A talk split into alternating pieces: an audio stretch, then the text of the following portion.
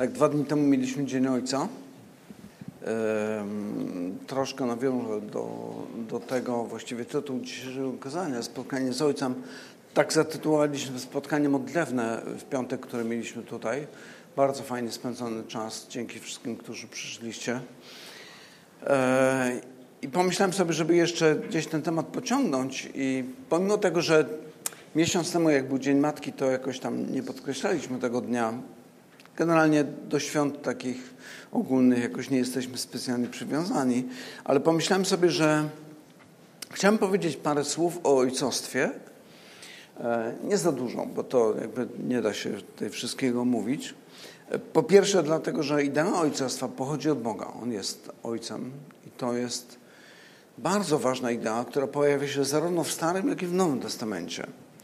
Po drugie, idea ojcostwa, mam wrażenie, że w zachodniej kulturze chyba jest coraz gorzej widziana. E, w sensie takim, że no, ojciec to ktoś, kto daje życie kolejnemu pokoleniu, ale kolejne osoby na tej planecie to kolejny ślad węglowy. więc należy redukować te rzeczy, więc nie powinniśmy obchodzić w ogóle Dnia Ojca, Dnia Matki chyba też nie. I w ogóle myślę, że idea męskości jest seksistowska. Tak jest postrzegane to dzisiaj. Mam wrażenie, że kiedy słucha się różnych e, no, informacji, komentarzy, to mam wrażenie, że najgorszym egzemplarzem, największym szkodnikiem, który żyje na Ziemi, to jest biały mężczyzna biały mężczyzna. On jest winny wszystkiemu i to jest po prostu najgorzej. Więc myślę, że warto wracać do idei ojcostwa e, i warto przypominać o tym, ponieważ to jest idea biblijna i nie powinniśmy pozwolić światu zabrać ją. Ale to, czego potrzebujemy, to chyba nie tyle jakiegoś takiego przypomnienia w stylu 10 praktycznych rad, jak być dobrym ojcem. Na przykład kupować prezenty, e, tam żonie kwiatki, no, cokolwiek. Myślę, że to, czego najbardziej potrzebujemy, to odbudowanie tego wzorca, z którego idea ojcostwa się bierze. I przygotowując się do tego kazania, e, spojrzałem na stronę, bo tam znalazłem artykuł, jest taka strona internetowa Nauka w Polsce i tam znalazłem artykuł dotyczący ojcostwa wśród zwierząt. E, profesor Piotr Trojanowski pisze artykuł z, Poznania, z Instytutu Zoologii w Poznaniu. I między innymi, kilka tylko cytatów tutaj zacytuję. To jakby jest taki artykuł bez tezy, ale o tezie ja za chwilę powiem. E, między innymi takie zdanie. Ojcostwo zaczyna się od uwiedzenia samicy. No, świat zwierząt, nie? I to jest ten element, który chłopakom się najbardziej podoba. Ale potem pisze, pisze tak. U wielu gatunków wygląda to tak. Zapłodnienie się udało i samiec zmyka. Życie w przyrodzie to trochę jak opera mydlana. Zdrady, zaloty, sojusze, kombinowanie. Naprawdę wszystko i czasami nie wiadomo, co ważniejsze. I potem dodaje jeszcze taką obserwację związaną z badaniem DNA i badaniem ojcostwa. Mówi, pierwszymi bohaterami masowych testów na ojcostwo były poczciwe wróble domowe. I okazało się, że ptaki wcale nie są takie wierne, jak się badaczom wcześniej wydawało. I tak jak powiedziałem, artykuł nie miał żadnej tezy tutaj, natomiast e, w momencie, kiedy przyglądamy się światu zwierząt i patrzymy na ich, w cudzysłowie, społeczne relacje, jak wygląda ich życie, takie grupowe czy społecznościowe, to pojawia się taka myśl, czy nie powinniśmy, ponieważ jesteśmy no nie jesteśmy, ale tak niektórzy mówią, jesteśmy z pochodzenia zwierzętami, tylko bardziej rozwiniętymi, czy nie powinniśmy brać wzorców, przykładów z tego świata zwierząt. A ponieważ w świecie zwierząt chodzi przede wszystkim o wzbudzenie potomstwa, no to czy nie powinno być tak, że samica powinna mieć jak najwięcej partnerów, a samiec jak najwięcej partnerek? Ale dlaczego świat zwierząt miałby być dla nas wzorcem do naśladowania? Dlaczego to świat zwierząt miałby decydować o tym, w jaki sposób my powinniśmy funkcjonować, jak zachowywać się, jakim systemem wartości się posługiwać? Jeżeli wierzymy, że zostaliśmy stworzeni na obraz podobieństwo Boga, czy wzorcem naszego człowieczeństwa, ale również ojcostwa nie powinien być sam Bóg? No i oczywiście znamy odpowiedź, że tak, tak, tak właśnie powinno być. I kiedy patrzymy na Biblię, to widzimy, że ta idea naprawdę powtarza się zarówno w Starym, jak i w Nowym Testamencie. W Nowym Testamencie w liście do Efezjan apostoł Paweł, kiedy modli się o ten zbór w Efezie, mówi tak, dlatego zginam kolana moje przed Ojcem, od którego wszelkie ojcostwo na niebie i na ziemi bierze swoje imię. Więc to jest ten właściwy wzorzec dla chrześcijan, z którego powinniśmy czerpać, przyglądać się Bogu i patrzeć, jakim On jest Ojcem, żeby uczyć się tego, co to znaczy być ojcostwem. I to nasze ojcostwo właśnie tam powinno czerpać e, swoje wzorce, a nie odwrotnie. I kiedy mówię odwrotnie, to mam na myśli takie sytuacje, kiedy są osoby, które wychowały się w trudnych domach, naprawdę trudnych domach. I wtedy efekt tego jest taki, że ta idea ojcostwa, w której są wychowani, którą wynieśli z domu, przenoszona jest na Boga. I w momencie, kiedy ktoś mówi tej osobie, że Bóg jest ojcem, to ta osoba mówi, to ja nie chcę, to ja dziękuję.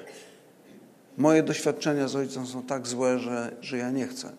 Ale właśnie biblijna perspektywa jest taka, że to, czego doświadczyłeś, jest złe, jest grzechem, ponieważ jest odejściem od tej pierwotnej idei ojcostwa, tego prawdziwego ojcostwa, tego doskonałego ojcostwa, które znajdujemy w Bogu. No niektóre dzieci wykorzystują to później, kiedy już dorastają i mówią, nie chcę mieć z Bogiem nic wspólnego, bo jeżeli Bóg jest ojcem, to ja dziękuję bardzo i odchodzą. I oczywiście odchodzą od Boga tak naprawdę z zupełnie innych powodów, ale tego używają jako, jako wymówkę, jako argument taki, żeby uspokoić swoje sumienie. Idea ojcostwa pochodzi od Ojca, bo On jest Ojcem. I ciekawe, kiedy Biblia opisuje relacje między, no właśnie, Bogiem, Jahwe i Chrystusem, to opisuje to jako relację między Ojcem i Synem. E, to nie znaczy, że Jezus ma początek, albo to nie znaczy, że był taki okres, kiedy Jezusa nie było, bo gdyby tak było, gdyby Jezus miał początek, to znaczyłoby, że przed tym momentem Bóg nie był Ojcem. Dlatego mówimy w teologii, powiedzmy, już tak użyję takiego brzydkiego słowa, dlatego mówimy o odwiecznym synowstwie Jezusa. Jezus jest odwiecznie zrodzonym synem, synem Boga Ojca. I ciekawe, kiedy Jezus uczy swoich uczniów, jak modlić się. Pamiętam tą scenę, kiedy uczniowie patrzą na uczniów Jana i mówią do Jezusa, naucz nas modlić się tak, jak Jan nauczył swoich uczniów. I Jezus mówi do nich, pamiętacie co? A wy, modlitwa, a wy tak się módlcie. Ojcze nasz, któryś jest w niebie, święci imię Twoje. Więc Jezus mówi, tak, to jest Ojciec. On jest tym prawdziwym ojcem, on jest tym prawdziwym wzorem ojcostwa i w ten sposób pokazuje uczniom, że to jest ta relacja, która, która charakteryzuje no właśnie ich związek z, z Bogiem Ojcem. To oczywiście nie oznacza, że oni są synami Bożymi w takim sensie, jak Jezus jest synem Bożym, a jednak są Bożymi dziećmi. Ale to trzeba podkreślić jeszcze jedną ważną rzecz.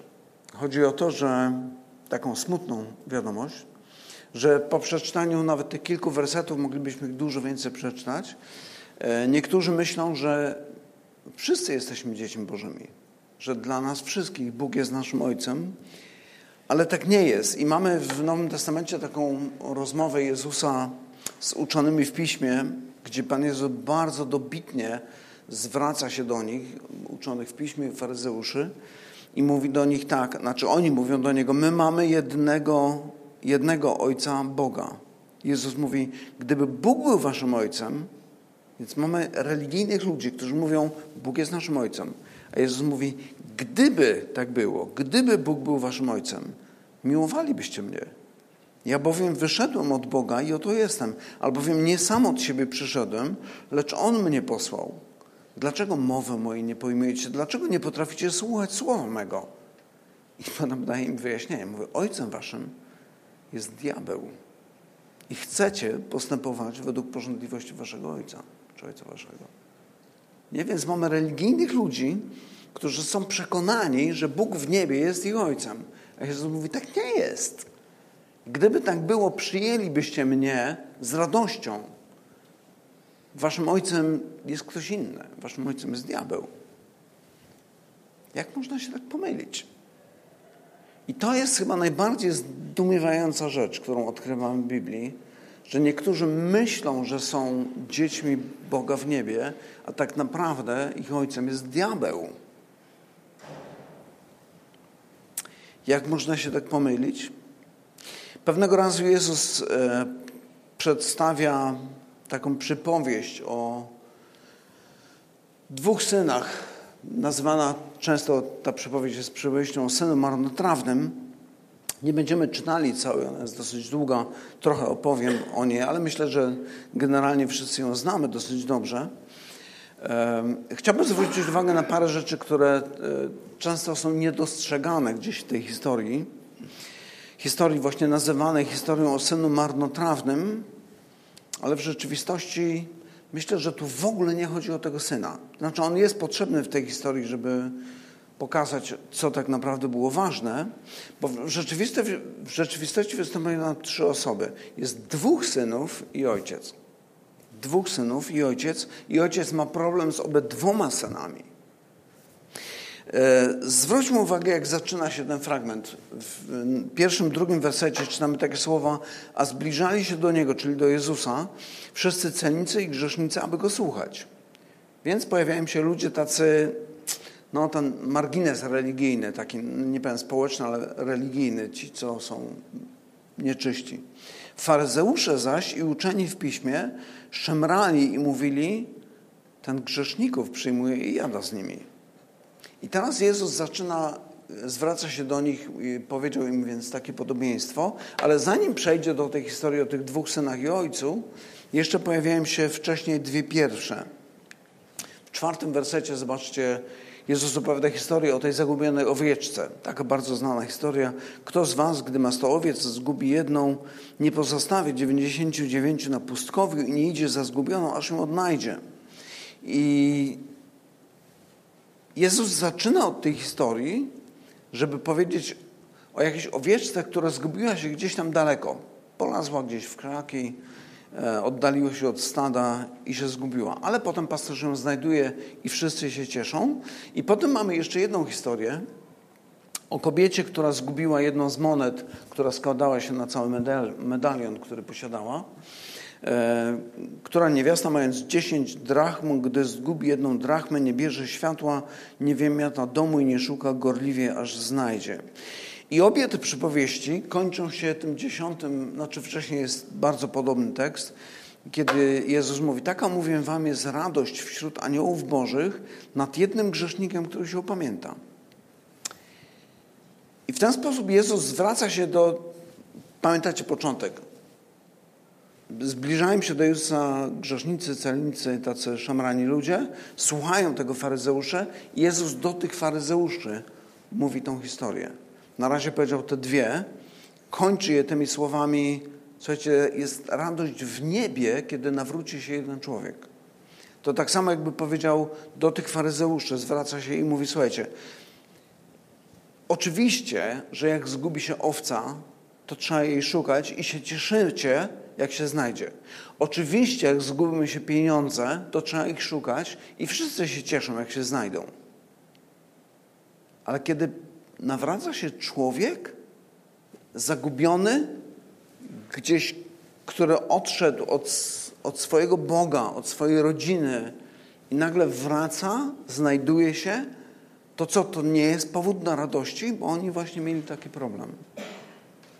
Czyli owca tak, moneta tak, człowiek nie.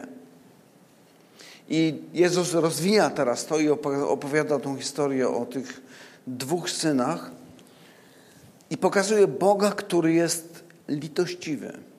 Litościwy dla jednych i drugich. Dla tego syna, który odszedł z domu i gdzieś tam pogubił się gdzieś daleko, daleko, jak i dla tego, który pozostał w domu i też się pogubił, tylko będąc tutaj na miejscu.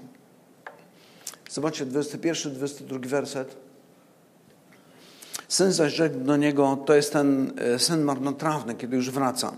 Mówi, ojcze, zgrzeszyłem przeciwko niebu i przeciwko Tobie. Już nie jestem godzien nazywać się ojcem Twoim, synem Twoim. Ojciec zaś rzekł do sług swoich, przynieście szybko najlepszą szatę i ubierzcie go, dajcie też pierścień na jego rękę i sandały na nogi jego. I kiedy pojawia się starszy brat i widzi tą wielką ucztę, to wielkie przyjęcie, 28 wersecie czytamy, rozgniewał się i nie chciał wejść nawet.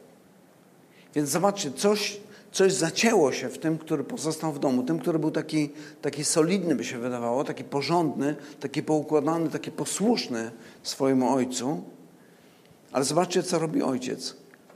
Wyszedł do niego i prosił go.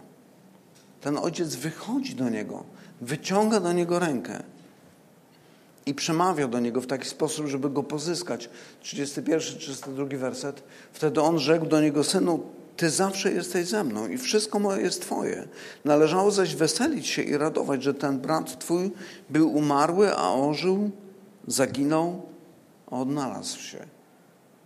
I cała ta historia, ona oczywiście jest przedmiotem wielu, wielu dzieł artystów, zarówno sztuki, jak i malarstwa, jak i muzyki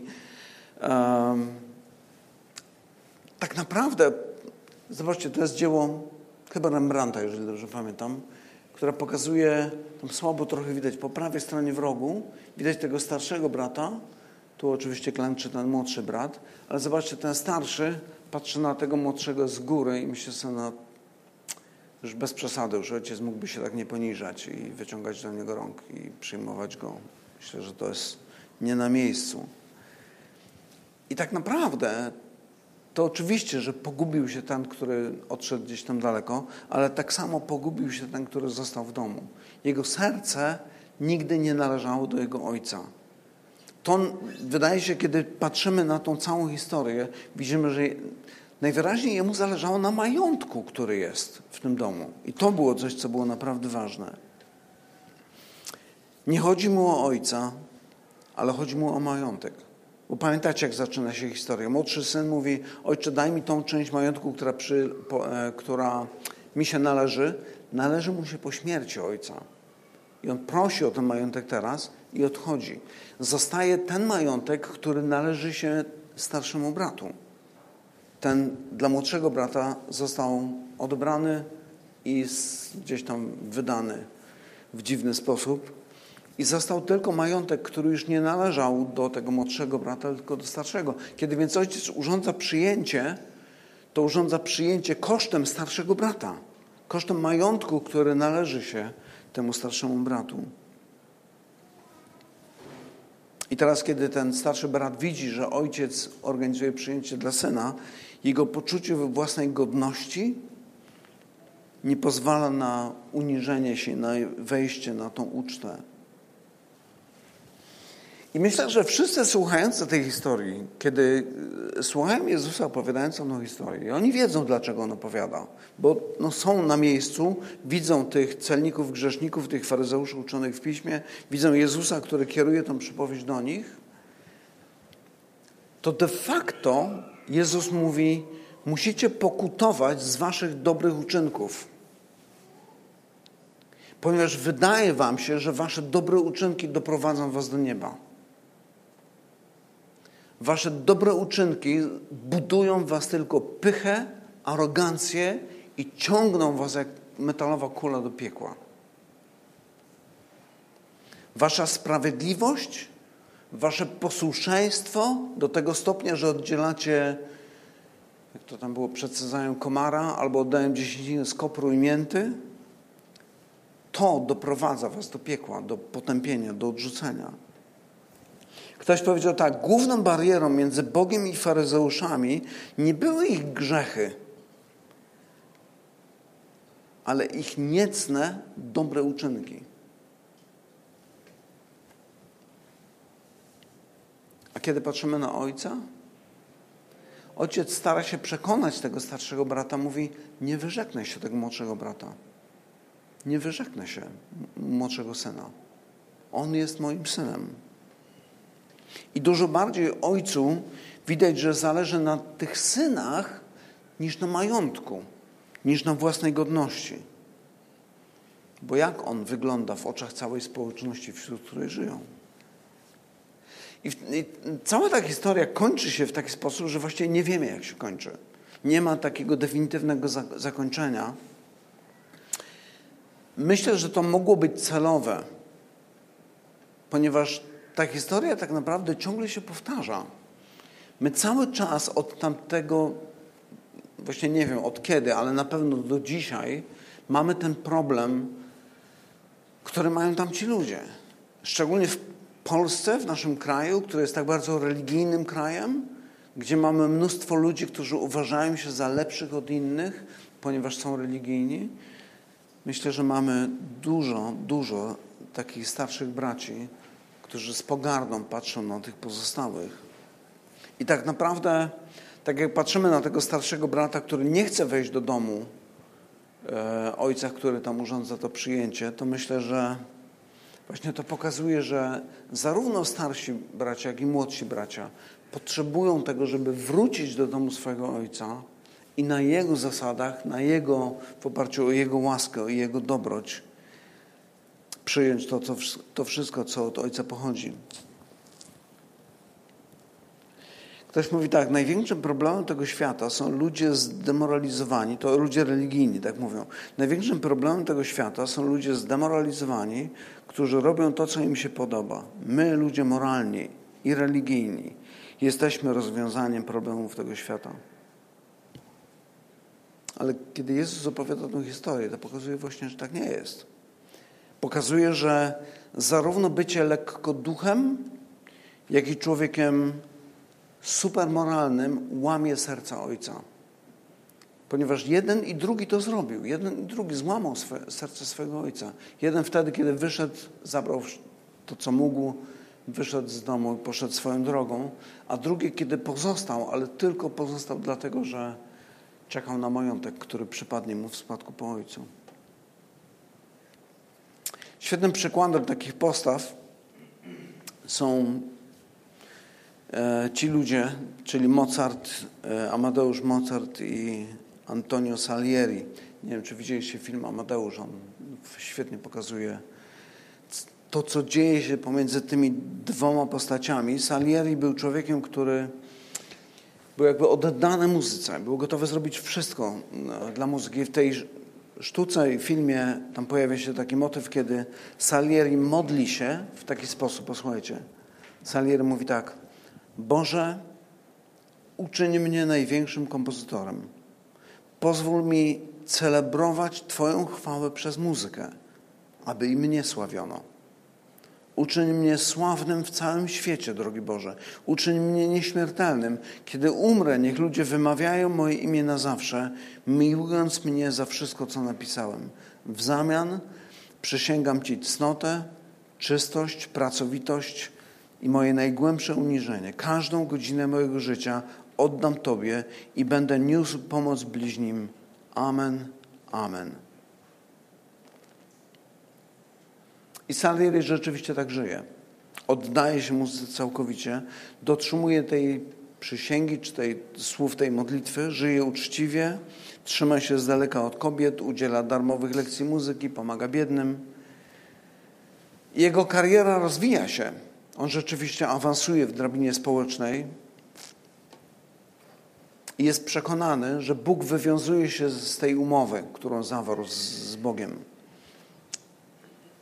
Ale wtedy pojawia się Mozart. Mozart, który jest lekkoduchem, który jest wulgarny, jest zadufany w sobie, ale jest znacznie większym talentem niż sam Salieri. I ten talent Mozarta doprowadza Salieriego do kryzysu wiary i w końcu Salieri, widząc jakby tą niesprawiedliwość Boga, on tutaj poświęca wszystko, żeby Pan Bóg dał mu talent, a tu się pojawia taki lekkoduch, którym Pan Bóg daje jeszcze większy talent. Salieri, Salieri w oburzeniu mówi, odtąd jesteśmy wrogami, ty i ja. I Salieri skupia się na tym, żeby pogrążyć Mozarta. Być może, że go truje na, na koniec. I Salieri jest takim obrazem starszego brata, który całe życie poświęca Bogu po to, żeby samemu być wywyższonym. I w momencie, kiedy ktoś inny staje się jeszcze większy niż on, wypowiada wojnę Bogu i wypowiada wojnę Mozartowi.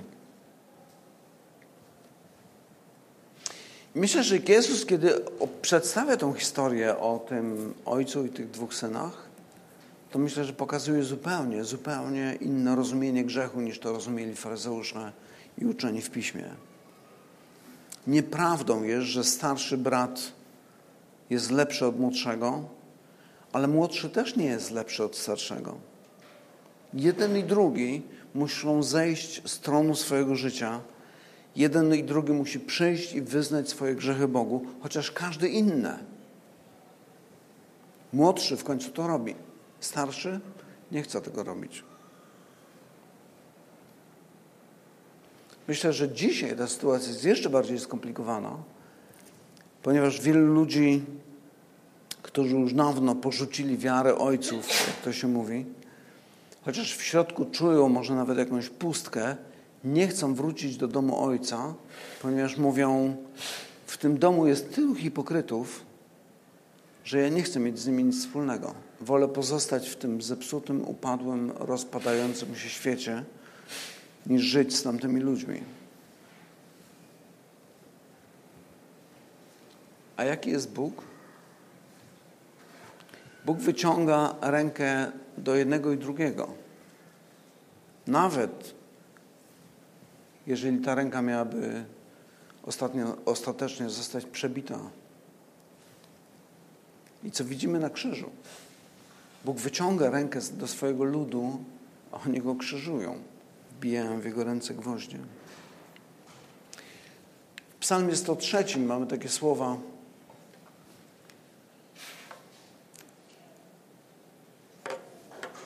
Jak się lituje ojciec nad dziećmi, tak się lituje Pan nad tymi, którzy, go, którzy się go boją. Bo on wie, jakim tworem jesteśmy. Pamięta, żeśmy prochem. Jeżeli patrzysz na swoje życie i myślisz sobie, no ja tam nie jestem za bardzo religijny, chyba się nie nadaję do tego i nie wiem, czy chcę być, to ojciec, który jest w niebie, jest tym, który cały czas wyciąga swoją rękę do ciebie. I on nie jest tym, który do tego, który przychodzi do niego, mówi idź, idź precz ode mnie, nie chcę z tobą w ogóle rozmawiać. A z drugiej strony, jeżeli chcesz być dobrym ojcem, to spójrz na to, co widać w tym naszym Bogu, Bogu Ojcu, w naszym Bogu. Jeszcze lepiej, jeżeli chcesz Go zobaczyć, to spójrz, jaki był Jezus. Jezus, który był idealnym mężczyzną. Gdyby miał dzieci, pewnie był idealnym ojcem. To tak jak w tej audycji bez celibatu, jak nagrywaliśmy ostatnio, cytowałem kogoś, mówię, że jeżeli jesteś mężczyzną, który chce brać przykład z ojca, który jest w niebie, powinieneś być niebezpieczny, powinieneś być groźny. Ale tą całą siłę, którą masz w sobie, powinieneś użyć do tego, żeby budować Królestwo Boże. Żeby szukać Jego chwały, a nie swojej własnej. Żeby innych wywyższać, a nie poniżać. Bo taki był Jezus, który przyszedł nie po to, żeby Jemu służono, ale żeby służyć i oddać swoje życie na okup. Żeby nas ratować. To jest nasze powołanie. To jest ten obraz, który powinniśmy gdzieś nosić w głowie. Zobaczcie, kiedy patrzymy na Biblię od samego początku, no, na samym początku jest super. Jest Eden, jest pięknie, pojawia się grzech, bunt, ludzie zostają wygnani na wschód od Edenu, pojawia się grzech i Pan Bóg mówi do Adama, ziemia będzie ci rodziła ostre i ciernie, a ty będziesz pracował w pocie czoła. Ciekawe, że tak mówi do mężczyzny, a nie do kobiety. Innymi słowy, jakby Pan Bóg zakłada, ty jesteś silniejszy od kobiety i to jest twoje powołanie, ciężka praca po to, żeby naprawiać ten świat, który został zepsuty z powodu grzechu. Ostateczne odnowienie tego świata nastąpi, zostanie dokonany przez Chrystusa, ale teraz Ten świat jest pełen fatalnych konsekwencji grzechów, albo Twoich, albo ludzi, wśród których żyjesz, więc użyj swojej męskości do tego, żeby walczyć z grzechem, a nie z innymi ludźmi po to, żeby siebie wywyższać, tak jak Salieri na przykład. Ale jeżeli sam jesteś obciążony swoim grzechem, to pamiętaj o tym, jakim Ojcem jest Bóg. Tak jak czytamy tutaj w tym fragmencie, jak lituje się Ojciec nad swoimi dziećmi, tak Pan lituje się nad tymi, którzy się Go boją. Bo On wie, jakim tworem jesteśmy. Pamięta, żeśmy prochem. Zawsze możesz do Niego przyjść, ponieważ On jest Ojcem, który lituje się nad swoimi dziećmi. Ci z Was, którzy macie dzieci, wiecie, jak to jest. I Bóg taki właśnie jest. I myślę, że jednym z elementów tego, że my mamy dzieci, jest to, że Pan Bóg przemawia do nas i pokazuje, mu, pokazuje nam, mówi: Zobacz, co czujesz, kiedy bierzesz na ręce swoje dziecko. Ja właśnie taki jestem. Jestem jak ojciec, który lituje się nad swoimi dziećmi.